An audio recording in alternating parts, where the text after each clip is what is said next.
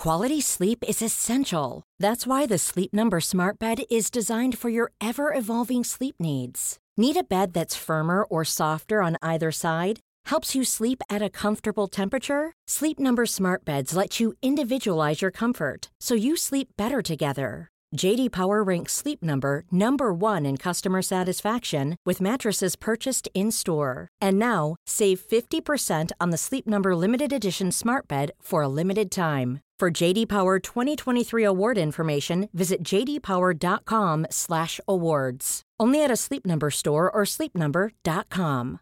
One size fits all seems like a good idea for clothes until you try them on. Same goes for healthcare. That's why United Healthcare offers flexible, budget-friendly coverage for medical, vision, dental, and more. Learn more at uh1.com. Denne episoden er i samarbeid med Kreftforeningen. Som fast giver til Kreftforeningen er du med på å skape håp og forandre liv. Og det både høres ut og er en stor ting. Men det trenger ikke å være en stor sum for deg. For prisen av bare en og en halv frossenpizza i måneden kan du bidra til forskning, behandling og hjelp til livet med kreft og livet etter kreft. Bare det utgjør en forskjell. Så gjør en forskjell. En og en halv frossenpizza. Du kan selvsagt gi mer hvis du vil, og du bestemmer selv om du gir månedlig, kvartalsvis eller halvårig. Ja, det hele er kjempefleksibelt. Det viktigste er at du som fast giver bidrar til at færre skal få kreft, og at flere skal overleve. Gå inn på kreftforeningen.no giver, eller klikk på lenken i episodebeskrivelsen. Som sagt, en og en halv frossenpizza. Bli fast giver hos Kreftforeningen i dag.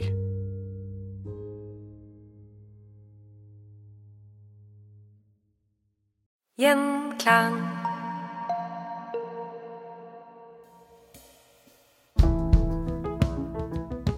Gjennom hele middelalderen og fortsatt den dag i dag går mennesker på pilegrimsvandring, fra A til B, hvor B da er et sted av en religiøs stor betydning. Av de mer kjente i kristendommen har man i Jerusalem og i Europa Roma, Canterbury i England og Santiago de Compostela vest i Spania. Hva fikk middelaldermennesket til å gå dagevis, ukevis, ja kanskje månedsvis til disse stedene? Hvem gikk, og til hvor? Og hvilken påvirkning hadde dette på Europa? Velkommen til Historier som endret verden. Med oss for å snakke om pilegrimsvandringens historie har vi Kaja Hagen, doktor i middelalderhistorie. Velkommen. Takk skal du ha. I dag skal vi fokusere på middelalderen og Vest-Europa. Så Kaja, hvor får vi ordet pilegrim fra? Eh, ordet kommer fra latin og betyr egentlig en utlending, eller en som reiser, og ordet dukker opp i middelalderen, og de første bevarte kildene vi har er vel fra 1200-1300-tallet. Men vi vet jo at det å gå pilegrim, det er jo en tradisjon som har røtter mye lenger tilbake enn det. Vi skal faktisk helt tilbake til 300-tallet før vi finner de første eh, kildene som beskriver pilegrimsvandringer. De bare brukte et annet ord for det? Eller ikke Eh, noe? De, de, de brukte ikke noe ord for det. Som, de, de kalte det ikke pilegrimer, da. Så eh, reisende, troende. Men eh, kan du forklare oss konseptet? Altså, man reiste jo fra eh, trygghet og tryggheten til familien og klan og omgivelser ut til en verden de færreste sannsynligvis hadde sett før. Hva var, eh, hva var greia? Em, I middelalderen så var det jo sånn at én ting betød sjelden én ting. Det var mange lag av mening, og sånn var det også med pilegrimstradisjonen. Og det å foreta en pilegrimsreise, den hadde mange ulike funksjoner. Em, For det første så var pilegrimstradisjonen knyttet til botssakramentet. I eh, middelalderkirken så hadde man ulike sakramenter. Mot slutten av middelalderen så eh, regner man med syv sakramenter, hvor da boten var en av dem. Og disse eh, sakramentene det ble sett på som nådegaver fra Gud til menneskene. Og nå høres det jo kanskje litt rart ut for oss i dag at en bot er en gave, men hele poenget var at man skulle få en mulighet for å gjøre opp for en synd som man hadde begått. Og hvis du gjorde en feil, eller begikk en synd, da, så, eh, og det gjorde jo menneskene hele tiden, så skulle man angre, og så skulle man fortelle om hva man hadde gjort til en skriftefar, og denne skriftefaren var som regel presten i din lokale kirke. Og presten han ville da dele ut en botshandling, og hva den boten besto i, den var jo avhengig av hvor ille det du hadde gjort var. Eh, det kunne være å si bestemte bønner, eller å gjøre en god gjerning, eller å foreta en pilegrimsreise. Og det er en bot hvor selve reisen var av betydning. Altså, dette var jo ofte en streng og vanskelig tur, og du ble jo utsatt for prøvelser på selve veien. Men også målet var hellig. Du dro jo ikke hvor som helst, du endte jo opp på et sted som var religiøst viktig, et hellig sted. Eh, hele målet med pilegrimsreisen, det var jo ut fra en sånn botsforståelse, var at du skulle komme tilbake igjen til det kristne fellesskapet, og igjen få en mulighet til å starte med blanke ark. Eh, så det er jo det som ligger i konseptet nådegave, at du får en ny sjanse.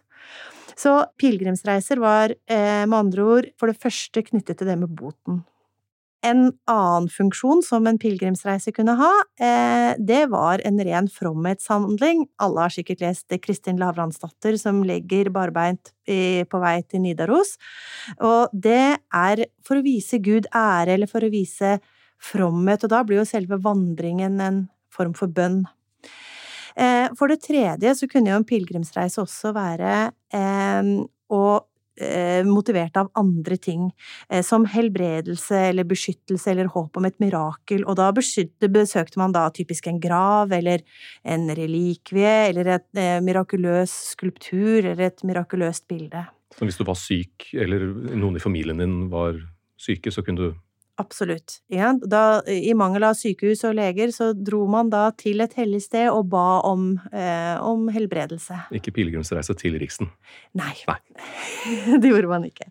Eh, og dessuten så kunne jo det også være en form for votivhandling, og det betyr at du lover da til Gud at du skal dra på pilegrimsreise hvis det og det skjer. Hvis jeg ja. ikke forliser, eller hvis jeg overlever denne prøvelsen, eller ja, Så kunne du da love å dra til å besøke da et, dette hellige stedet.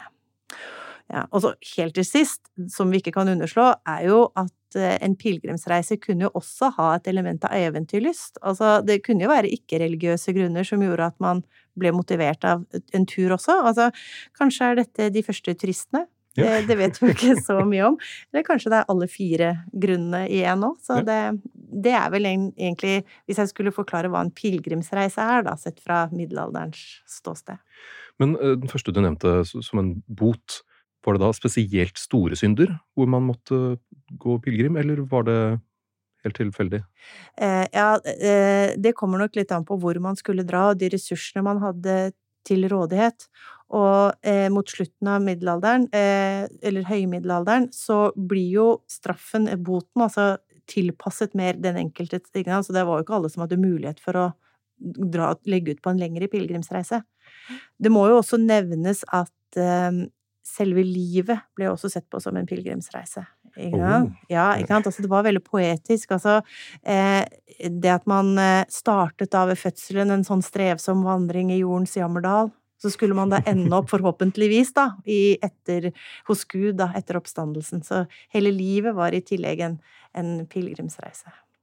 Du nevnte jo litt dette til å begynne med. Eh, hvor og når begynte man med dette? Du sa 300 år etter Kristus? Ja, altså eh, På 300-tallet så skjer det mye, og det er herfra vi har de aller første skriftlige kildene eh, på at folk har dratt til et hellig sted. Eh, og det er pilegrimen Egeria som eh, skriver i år eller på 380-tallet. Da reiser hun, og det er en kvinne, og hun reiser til Det hellige land, og hun besøker Jerusalem og alle de andre stedene hvor Jesus da hadde vært. Og hun beskriver eh, steder hun er eh, hun besøker, kirker hun er i, og ritualer og sånn som finner sted. Og det som er interessant, er at gjennom hele middelalderen så holder jo Jerusalem stand som den aller helligste plassen på jorden. Ja, det, det er uh, utvilsomt det helligste av det hellige. Så Egeria, hun beskriver altså ikke bare ritualer og gjenstander og som blir tilbedt, hun beskriver også alle de andre som er der. Så det er jo tydelig at det, Hun er ikke alene? Hun er ikke alene. Eh, så eh, selv om hun ikke kaller seg pilegrim, og selv om ikke begrepet brukes, og vi vet jo ikke så mye om hvordan dette var før Egeria kom, så er det da tydelig at når vi kommer til 380-tallet, så er det folk som reiser til Det hellige land. Så i, Egerias beretning så ser vi allerede en forståelse av at det hellige, det er noe materielt, noe vi kan erfare her på jorden, eh, knyttet til sted, til jord og til gjenstander, og ikke minst gjennom relikvier. Eh, og eh, det at menneskene kan komme nærmere Gud gjennom noe materielt, det blir jo helt essensielt. Og pilegrimstradisjonen den bygger jo nettopp på at noen steder og noen ting var ekstra hellige. Og derfor er det også koblet sammen med relikviekulten. Men hvor kommer ordet relikvie fra? Eh, ordet relikvie kommer også fra latin, og helt direkte oversatt så betyr det eh, en etterlatenskap, eh, noe som en hellig person har etterlatt på jorden etter sin død. Så det er eh, en en fysisk gjenstand som har noe hellig ved seg. Ja, det kan være en kroppslig rest, eh, eller en benfragment eller hår, eller noe som eh, den hellige har vært i kontakt med i sitt eh, jordiske liv, som for eksempel klær. Og det etableres da ganske raskt en tro på at denne lille relikvien da besitter hele kraften som den hellige personen hadde i sin levetid på jorden. Så denne lille biten var forstått å ha hele kraften som helgenen hadde. Og eh, når man da tilber denne lille relikvien, så er det som om helgenen er til stede i hele sin kraft her på jorden. Så selv om helgenen er da hos Gud i paradis, så er den da også samtidig her på jorden. Så det er grunnen til at relikviekulten eh, eh var så viktig i middelalderens eh, religiøse forståelse. Og Egeria, hun tilber en bit av korset, av Jesu kors.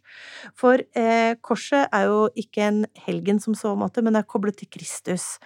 Og som jeg sa i stad, 300-tallet, det er jo århundre hvor mye skjer, og ikke bare har vi Egeria og de første pilegrimsberetningene. Mm. Dette er jo også århundret hvor Helena, altså moren til keiser Konstantin, finner Jesu kors i Jerusalem. Og eh, det skjer på 320-tallet, og det er jo i en drøm hun får beskjed om å dra til Jerusalem, og der skal hun finne Jesu kors, altså det sanne kors.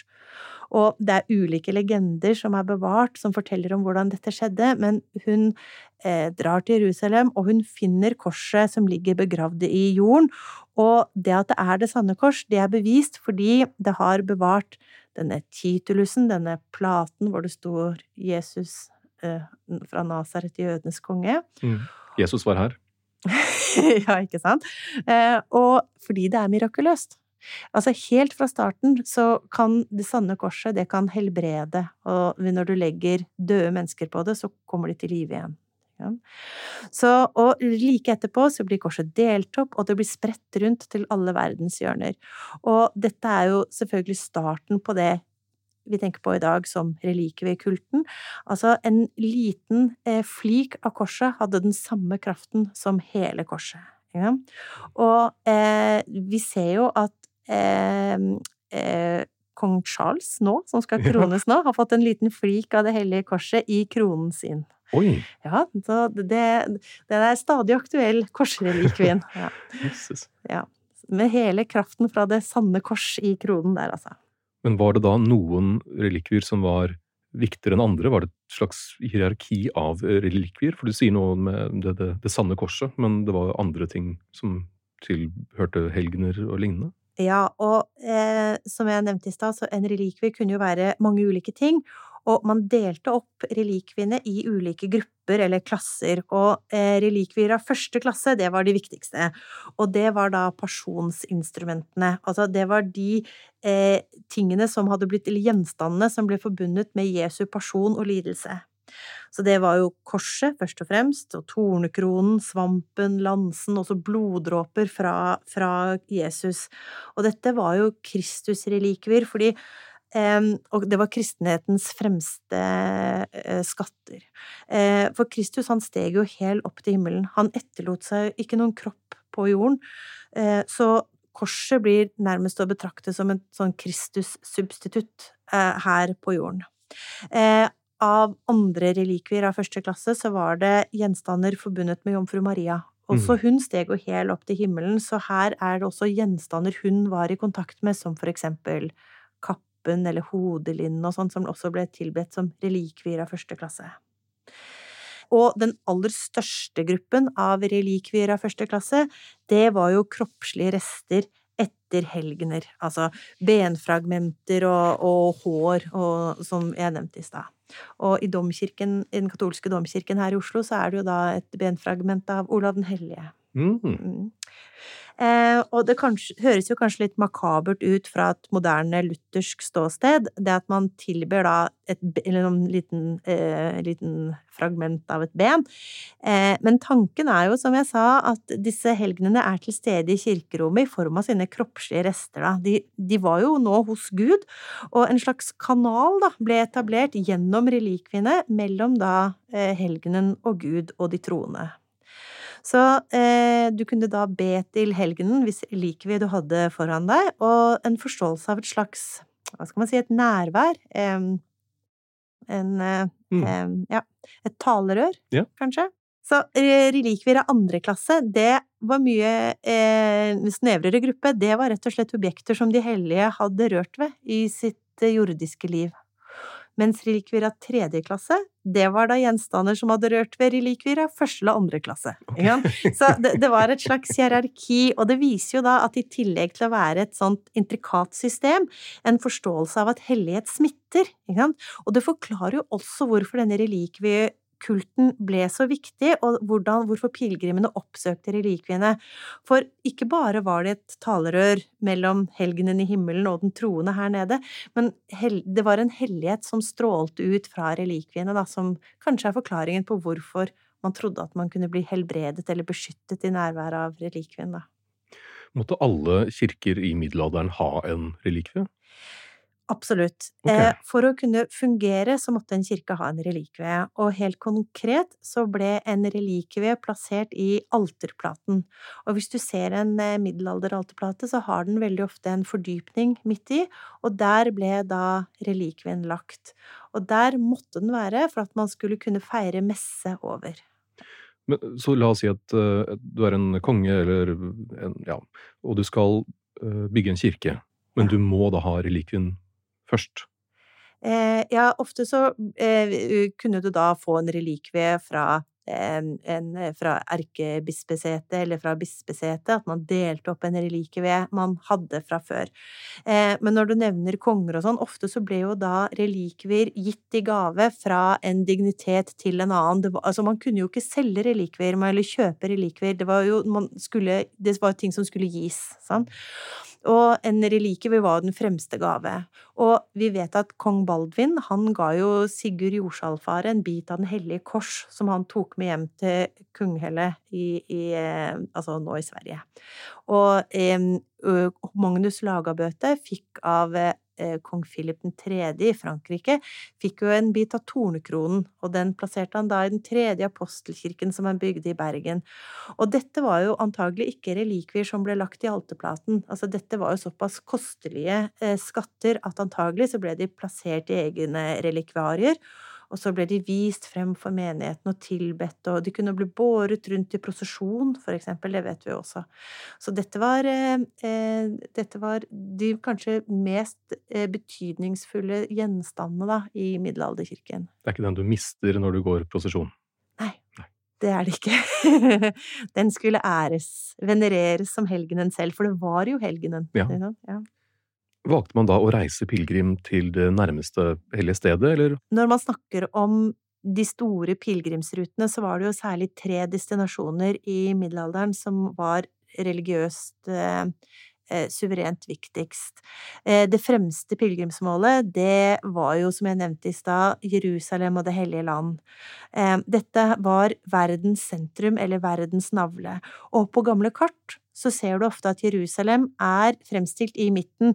Selv kart som er laget og ment for bruk helt andre steder, fremstiller Jerusalem i midten som nettopp verdens sentrum. Og gjennom hele middelalderen så eh, var jo Jerusalem okkupert og styrt av ulike grupper. Byen var en del av det bysantinske riket og det persiske riket. Det ble erobret av muslimer, og så ble det tatt av de kristne i det første korstoget i 1099, og så ble det gjenerobret av muslimene kun kort tid etterpå. Så kort fortalt så var Jerusalem et sted med mye uro den gang som i dag. Så, men det var ikke umulig å reise dit, eh, og noen gjorde jo også det.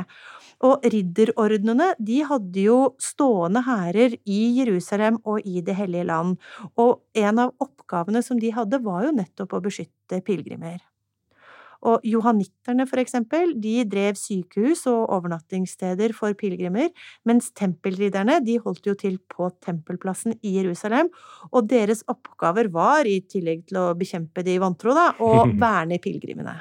Et annet hellig mål i tillegg til Jerusalem og Det hellige land, det var Roma, og det var jo på grunn av apostelgravene, altså gravene til Peter og Paulus. Mm. Og mens eh, Jerusalem var verdens navle, så var Roma verdens hode, altså caput mundi. Og i Bergen så er det funnet en runepinne, og den er datert sånn 1170-tallet. Og der står det Roma caput mundi, altså Roma, verdens hode, styrer den runde kloden. Oh. Ja. Og eh, det sier jo litt om middelalderens forestilling om Roma også her i nord. Og grunnen til at Roma ble oppfattet som caput mundi lenge etter at den romerske statens verdensherredømme var brutt. Eh, det er jo naturligvis fordi Roma var i sentrum for en annen stat, og det var jo kirkens. Og det var jo den åndelige og verdslige verdensherredømmet det var snakk om her. Og kirkens sentrum er Roma, fordi Roma er Peters grav, og Peter er jo den klippen som Kristus vil bygge sin kirke på. Mm. Og paven er jo formelt fremdeles biskop av Roma, han sitter i apostelen Peters stol og er overhode for alle biskoper i verden, slik som Peter var apostlenes overhode. Og dette er jo interessant at dette fremstilles da på en runepinne i Bergen. Ja. Og det tredje, den tredje siste store pilegrimsruta, den gikk jo da til Santiago de Compostela. Mm. Den nevnte jo du i stad. Og Santiago de Compostela var ikke verdens sentrum som Jerusalem, og ikke verdens hode som Roma, men verdens ende. Um, og det er Mundus Fini, dette er graven til apostelen Jakob, og hvis du finner et middelalderbilde hvor det er fremstilt et eh, menneske med en veske med skjell på, så er det en pilegrim som kanskje da har vært nettopp i Santiago, eh, Santiago de Compostela. Hmm. Og i Skandinavia er det funnet veldig mange av disse pilegrimsskjellene fra Santiago, så vi vet at folk reiste dit også fra Skandinavia. Og så kan man jo lure på hvorfor ble akkurat Santiago så viktig? Eh, apostelen eh, Jakob, var det så sentralt? Og det kan kanskje også kobles til en forestilling om at dette var den ytterste utposten av kristenheten. Altså nå, at når man hadde lagt under seg hele verden, eh, dette var det absolutte ytterpunkt, så bortenfor her er det ikke noe mer. Dette er virkelig verdens ende. Ja, du, har, du ser rett ut på Atlanterhavet. Yes, det er det du gjør. Mm. Var det mange andre slike steder man kunne dra til? Drøssevis. Over hele Europa så var det masse pilegrimsmål. Eh, det kunne være en eh, relikvie, som vi nevnte i stad, eller en helgengrav, eller en, et mirakuløst bilde, eller en skulptur, eller en hellig kilde. Altså mange grunner til at et sted ble et pilegrimsmål.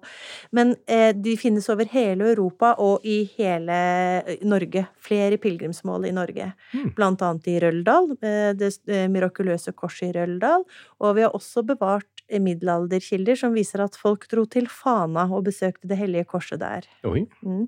Og det er veldig interessant. Vi har et dokument, eh, riktignok fra Danmark, som forteller litt om pilegrimstrafikk sett fra et skandinavisk perspektiv. Eh, og det er ikke hvem som helst som har skrevet dette her, det er dronning Margrethe den første. Kalmarunionens uh, grunnlegger. Det er det. Og hun eh, utformer i 1405 en avtale, og den avtalen den går ut på at hun låner penger til to klostre i Danmark. Og dersom pengene ikke er tilbakebetalt før hun dør, så skal munkene i klosteret ut på pilegrimsferd, og de skal be for sin nådige frue. Altså, de skal be for dronningens sjel. Og det som er interessant her, det er at dokumentet gir oss et bilde av pilegrimssteder, et slags hellighetens topografi, et kart. For her listes det opp da alle kristenhetens største pilegrimsmål, sett fra et skandinavisk ståsted på den tiden her. Først så kommer Det hellige land, Jerusalem og Betlehem, sånn som vi nevnte i stad. Og så skal de reise da, noen munker skal til eh, Sant Katerines grav i Sinai, som det står.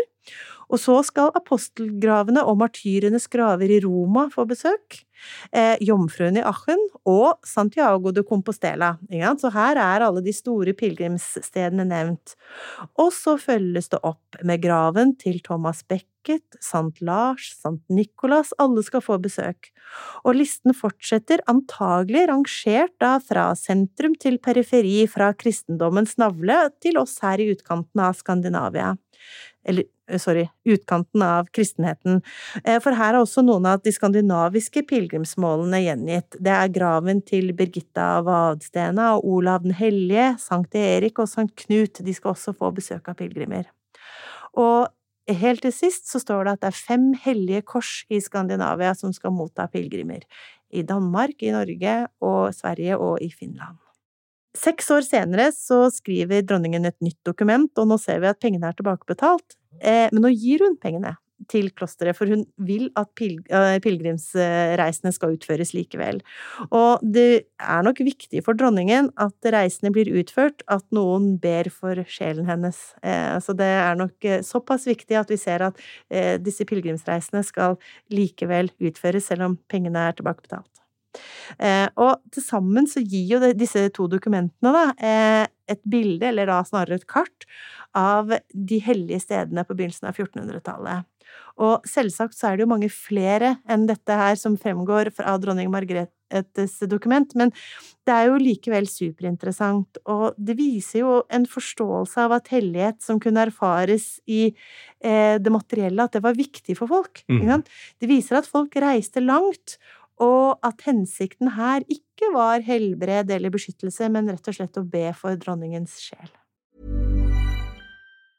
A lot can happen in three years, like a chatbot may be your new best friend. But what won't change? Needing health insurance. United Healthcare Tri Term Medical Plans, underwritten by Golden Rule Insurance Company, offer flexible, budget friendly coverage that lasts nearly three years in some states. Learn more at uh1.com. Quality sleep is essential. That's why the Sleep Number Smart Bed is designed for your ever evolving sleep needs. Need a bed that's firmer or softer on either side? Helps you sleep at a comfortable temperature? Sleep Number Smart Beds let you individualize your comfort so you sleep better together. JD Power ranks Sleep Number number 1 in customer satisfaction with mattresses purchased in-store. And now, save 50% on the Sleep Number limited edition Smart Bed for a limited time. For JD Power 2023 award information, visit jdpower.com/awards. Only at a Sleep Number store or sleepnumber.com. Millions of people have lost weight with personalized plans from Noom, like Evan, who can't stand salads and still lost 50 pounds. Salads generally for most people are the easy button, right? For me, that wasn't an option. I never really was a salad guy. That's just not who I am. But Noom worked for me. Get your personalized plan today at noom.com. Real noom user compensated to provide their story. In four weeks, the typical noom user can expect to lose one to two pounds per week. Individual results may vary. Hadde hvert sted da sin egen unike betydning? Både ja og nei. Eh, de fleste pilegrimsmål var antagelig mer allround, hvis vi skal kalle det det. Altså, Gud var jo, iallfall fra et teologisk perspektiv, den virkende kraften bak uh, alle mirakler og all helbredelse på hellige steder. Altså, Gud kunne jo gjøre alt. Eh, spørsmålet er jo om folk forsto det på denne måten. Det er vi kanskje litt mer usikre på, og vi antar jo at kanskje noen steder hadde særlig ry for visse ting. For eksempel hellige kilder var da ansett som å være særlig helbredende, for eksempel. Vi har bevart en mirakelberetning fra Island. Der var det et hellig kors i Kaldadarnes, og det utførte mange mirakler. Og det illustrerer denne allround tankegangen. Altså, virkelig, det var ikke måte på hva slags type mirakler som dette korset kunne utføre. Og eh, de kunne gjøre mindre mirakler, som å bringe et kar som en kvinne hadde mistet oppi en brønn, opp til overflaten igjen. Et veldig sånn praktisk mirakel. Men du kunne også gjøre store, viktige ting, som for eksempel å helbrede syke. Det var en gutt som hadde svelget spiker, faktisk, og han ble frisk igjen. Og gamle mennesker fikk helsen tilbake, og dyr som hadde skadet seg, det ble friske hvis man ba til korset. Og en gutt som var død, ble brakt til live igjen da, når moren ba til korset. Så det er jo imponerende allsidig, og viser kanskje litt av eh, tanken om at eh, Gud kan få alle ting til å skje, og det gjenspeiler nok litt av den eh, forståelsen av pilegrimsmålenes funksjon òg. Altså, jeg tror ikke det var eh, Stort sett så var det i hvert fall ikke slik at ett sted gjaldt for én ting. Så hvis du hadde revmatisme, måtte du dit, eller epilepsi, så måtte du dit. Det var mer eh, Det var Gud som hjalp deg uansett, og Gud kunne jo gjøre alt. Hvordan preget dette hvordan Europa så ut, med altså, infrastruktur, bosettelse, alt mulig? Eh, pilegrimstrafikken var jo med på å binde Europa sammen, og de store veiene gikk jo mellom religiøst viktige steder. Og de gikk fra nord til sør, til Jerusalem, til Roma, til Santiago de Compostela, fra vest til øst og tilbake igjen, og selv av sideliggende steder ble jo innskrevet, innskrevet i den store kristne topografien og det ble bygget mange viktige kirker på vei til de store pilegrimsmålene, og mange av disse ble jo mål i seg selv også, altså egne hellige steder i sin egen rett. Hellige delmål. Ja, nettopp. Eh, og eksempler på disse er jo eh, Tour, altså Saint-Martin i i, eh, som ikke står lenger, og i Conque og i Toulouse, for eksempel store pilegrimskirker som ble bygd for å ta imot de store pilegrimsskarene som var da på vandring. Så det er klart at dette her påvirket jo Europa. Og når vi snakker om eh, hvordan eh, det påvirket jo også arkitekturen, ikke bare sånn eh, veisystem og infrastruktur. Altså når de store kirkene, eller ofte også katedraler, skulle ta imot eh, store mengder pilegrimer, så ville jo alle komme så nær som mulig den hellige materien. Altså hvis det lå et, eh, et helgenskrin i, i koret, eller en relikve, eller et hellig bilde, så ville alle være så nær som mulig. Og man hadde da ofte store kirker med flere skip, og da kunne pilegrimene gå inn det ene sideskipet, og så gikk man inn, og så gikk man rundt koret i det man kaller et ambulatorium.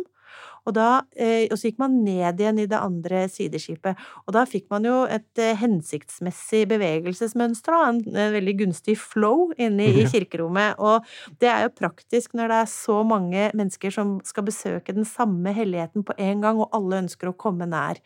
Så ikke bare påvirket det da infrastruktur og den type eh, veitenkning, men også selve utformingen av kirkebyggene. Og med alle disse reisene. Mm. Det, må jo også, altså det er en voldsom økonomi under alt dette her også? Ja, det er klart. Og eh, pilegrimer, de ga jo også gaver eh, til Eh, kirken eller til gjenstanden som de besøkte, og det har nok vært en viktig inntektskilde. Og i Norge, hvor vi ser at det er særlig korsene som har vært pilegrimsmål, altså de mirakuløse korsene, så ser vi jo at de mottar gaver. Og så det er klart at eh, eh det monetære har vært et aspekt, men det utelukker jo ikke at det også kan ha vært en fromhetshandling eh, i selve gaven. Og flere kilder forteller jo også at et pilegrimsmål ble besøkt på særlige tider, altså på særlige festdager. Okay. Og i Røldal, for eksempel, så utførte korset der, eller krusifikset der, mirakler på eh, sankthansnatten eller på midtsommernatten. Og dette sammenfalt med et stort marked i bygda samme dag, så det er jo klart at det økonomiske koblet seg nok på det religiøse. Så eh, ja. det var nok et aspekt ved det. Men hvem gikk disse rutene? Kostet uh, mye penger? Var man avhengig av hjelp på veien? Altså, det er jo ressurser som trengs her. Ja, det er klart. Eh, det krevde en del ressurser å foreta en lengre pilegrimsreise, og ikke alle kunne dra på lange reiser. Eh, det var strevsomt, og det kostet penger, og det var også farlig og bevarte diplomer forteller at folk legger ut på en pilegrimsreise, og så står det om jeg ikke kommer tilbake, så skal den og den arve meg. Så de tok jo sine forhåndsregler. Én ting var jo at du kunne bli syk underveis, og du kunne dø. Du kunne også forlise eller til og med bli drept. Så i i Frankrike, i, på Mont Saint-Michel, eh, denne øyen som kun er tilgjengelig eh, når vannet trekker seg tilbake, det var jo også et pilegrimssted i middelalderen. Og der var det jo farefullt å komme seg ut. Og en kilde forteller at i 1318 så døde 30 pilegrimer på vei ut, som ble tatt av da en tidvannsbølge. Så det var jo farefullt, og det var forbundet med visse farer. Eh, samme sted så er det også bevart en legende om en gravid pilegrim som var på vei ut til øya. Eh, kanskje hun skulle be om en trygg fødsel, det er jo nærliggende å tenke seg det. Og midt ute der, mellom tørt land og øya, så starter fødselen samtidig som vannet stiger.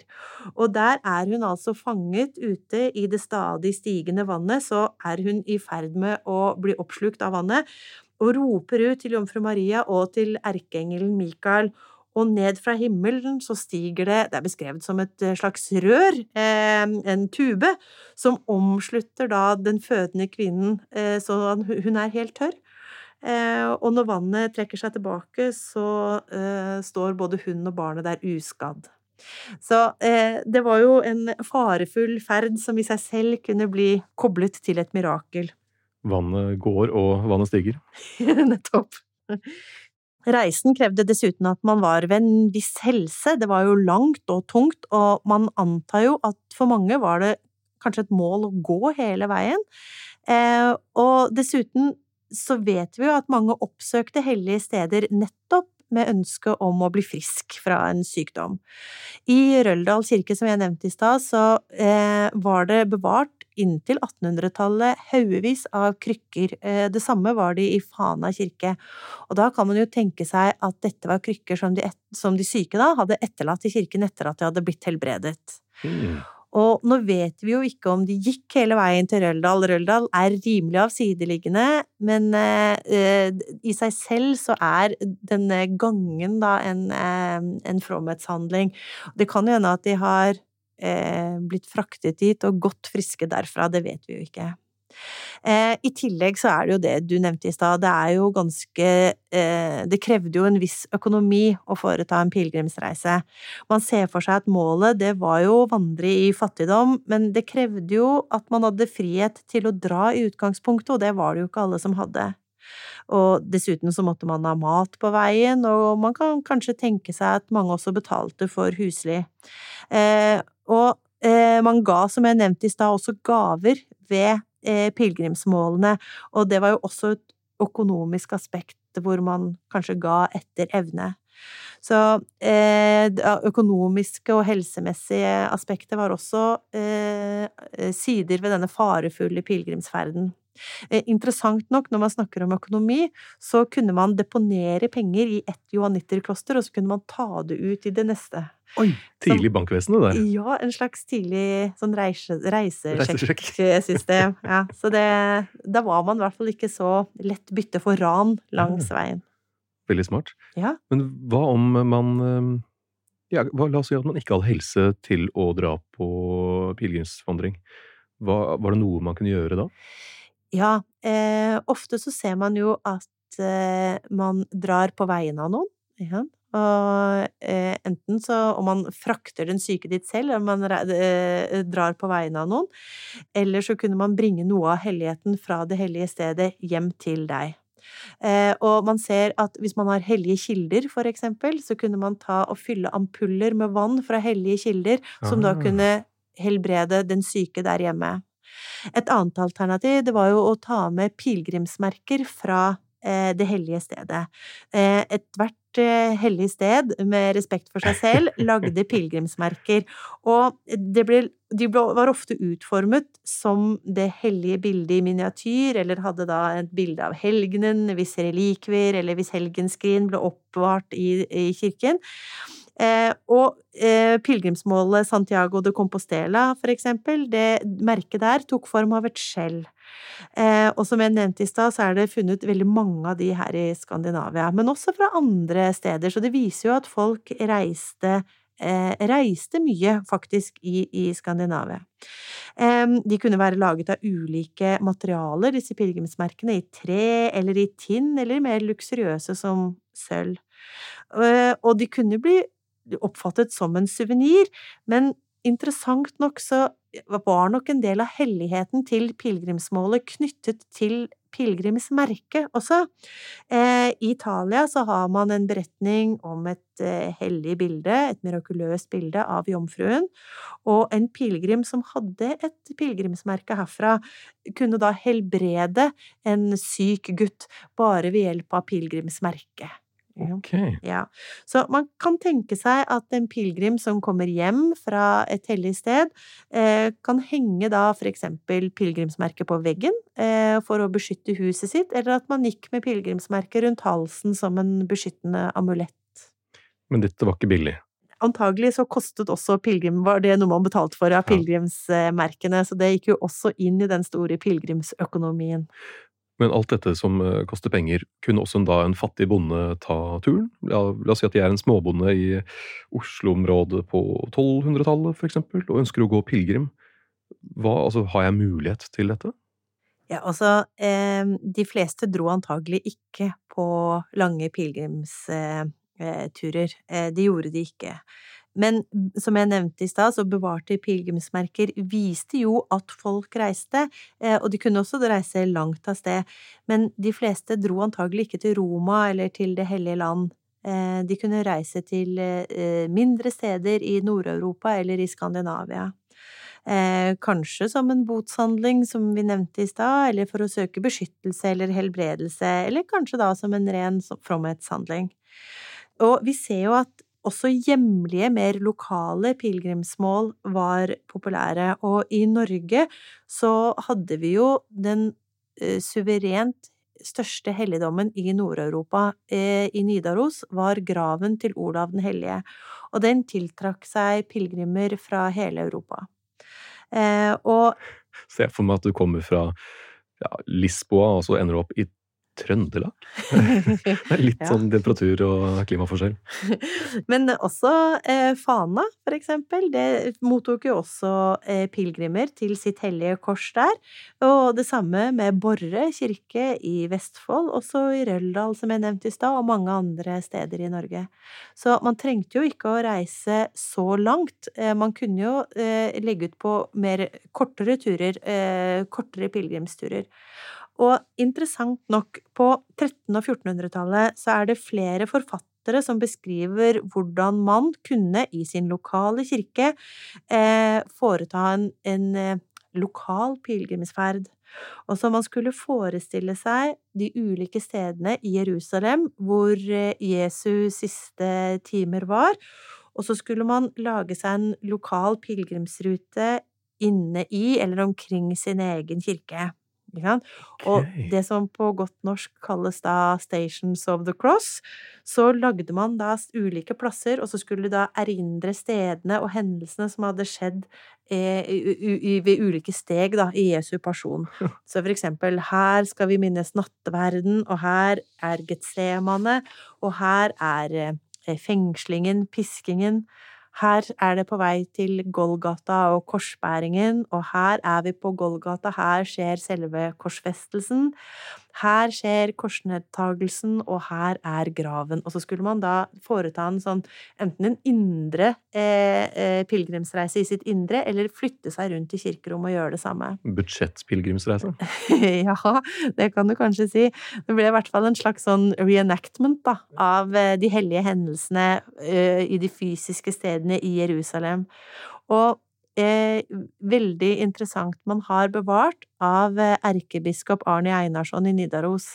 Han skriver i, altså rett eh, før svartedauden, i 1346, så skriver han at å besøke sin egen sognekirke er i seg selv en pilegrimsreise.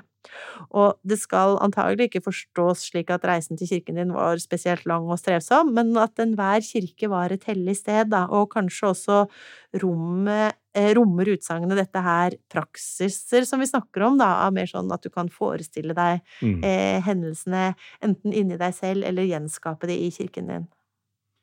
Men noen, eh, noen hundre år etter eh, For på 1500-tallet så er det jo en fyr ved navn Martin Luther som dukker opp.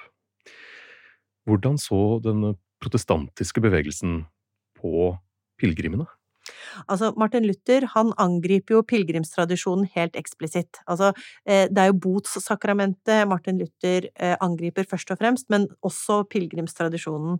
Og han gjentar interessant nok eh, på mange måter det erkebiskopen i Nidaros, hva Arne Einarsson sa over, at alle har det de trenger i sin egen sognekirke. Men mens erkebiskopen mente at pilegrimsferd var et gode, så ser jo Martin Luther helt annerledes på det. Eh, Martin Luther han hevdet jo at miraklene som skjedde ved disse pilegrimsmålene, de kunne like gjerne være djevelens verk. Oi. Ja. Og dessuten, hvis Gud virkelig ville at et mirakel skulle skje, så kunne han få det til å skje hvor som helst. Man trengte ikke å dra til en pilegrimskirke for at det skulle skje, eh, argumenterer han. Og dessuten så var ikke pilegrimsaktivitet nevnt i Bibelen, eh, og folk hadde dessuten alt de trengte i sin lokale kirke. Så hold dere der og gi pengene til de fattige. Det var Martin Luthers budskap.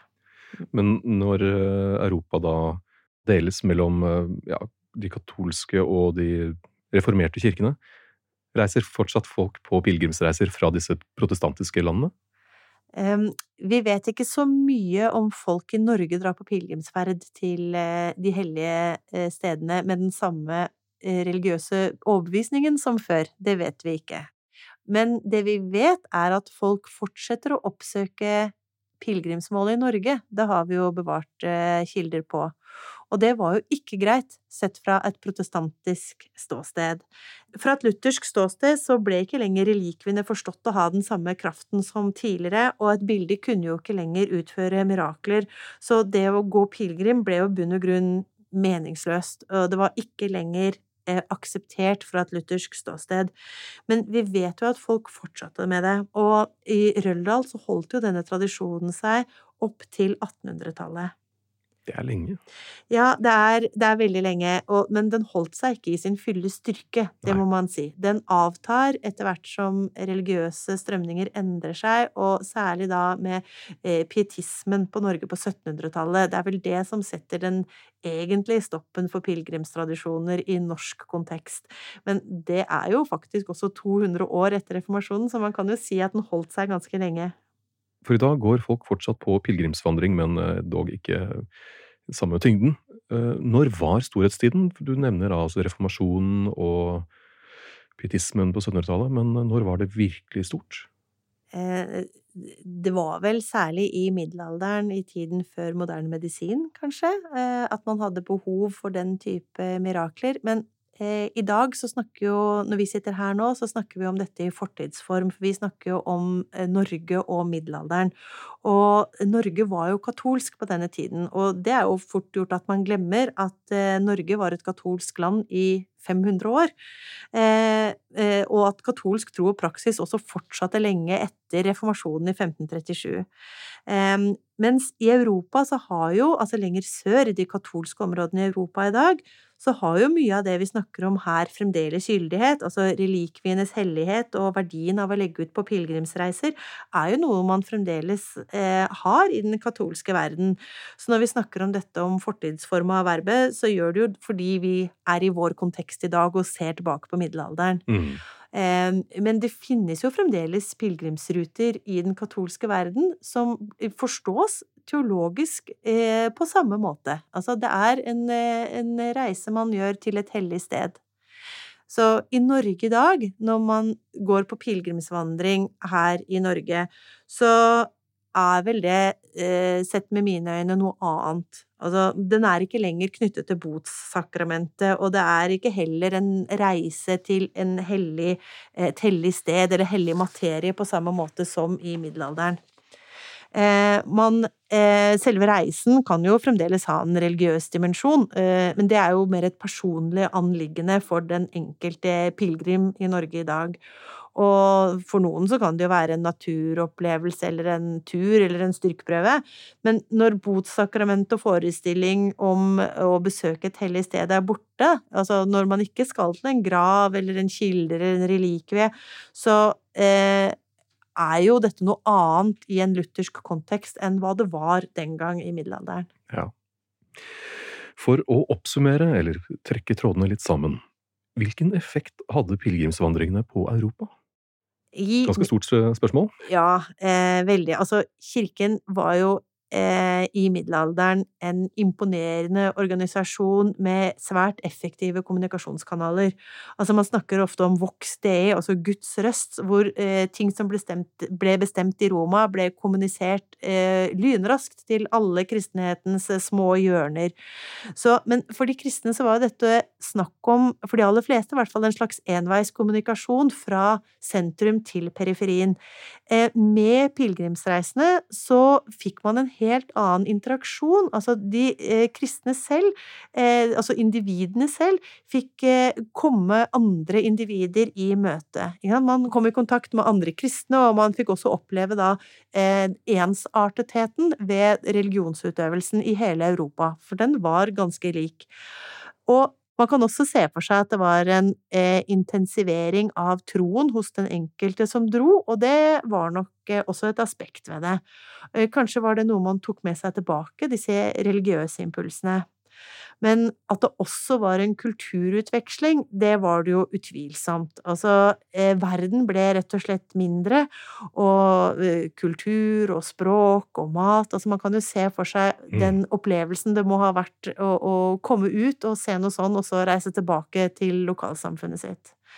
Og alle pilegrimsmerkene som er bevart, de vitner jo også om at man faktisk reiste, at mennesket den gang som da hadde behov for å se mer av verden.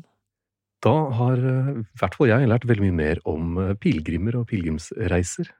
Tusen hjertelig takk for at du kunne komme til oss og snakke litt om det, Kaja Hagen. Tusen takk for meg. Og vi legger da opp bilder og ulike fun facts på Instagram under Historier som endret verden. Og hvis du er interessert i mer lokal historie, nærmere bestemt norgeshistorien, så kan du høre et vell av episoder i vår søsterpodkast Historier som endret Norge. Alt fra vikingtiden til Mariusgenseren. Vi høres.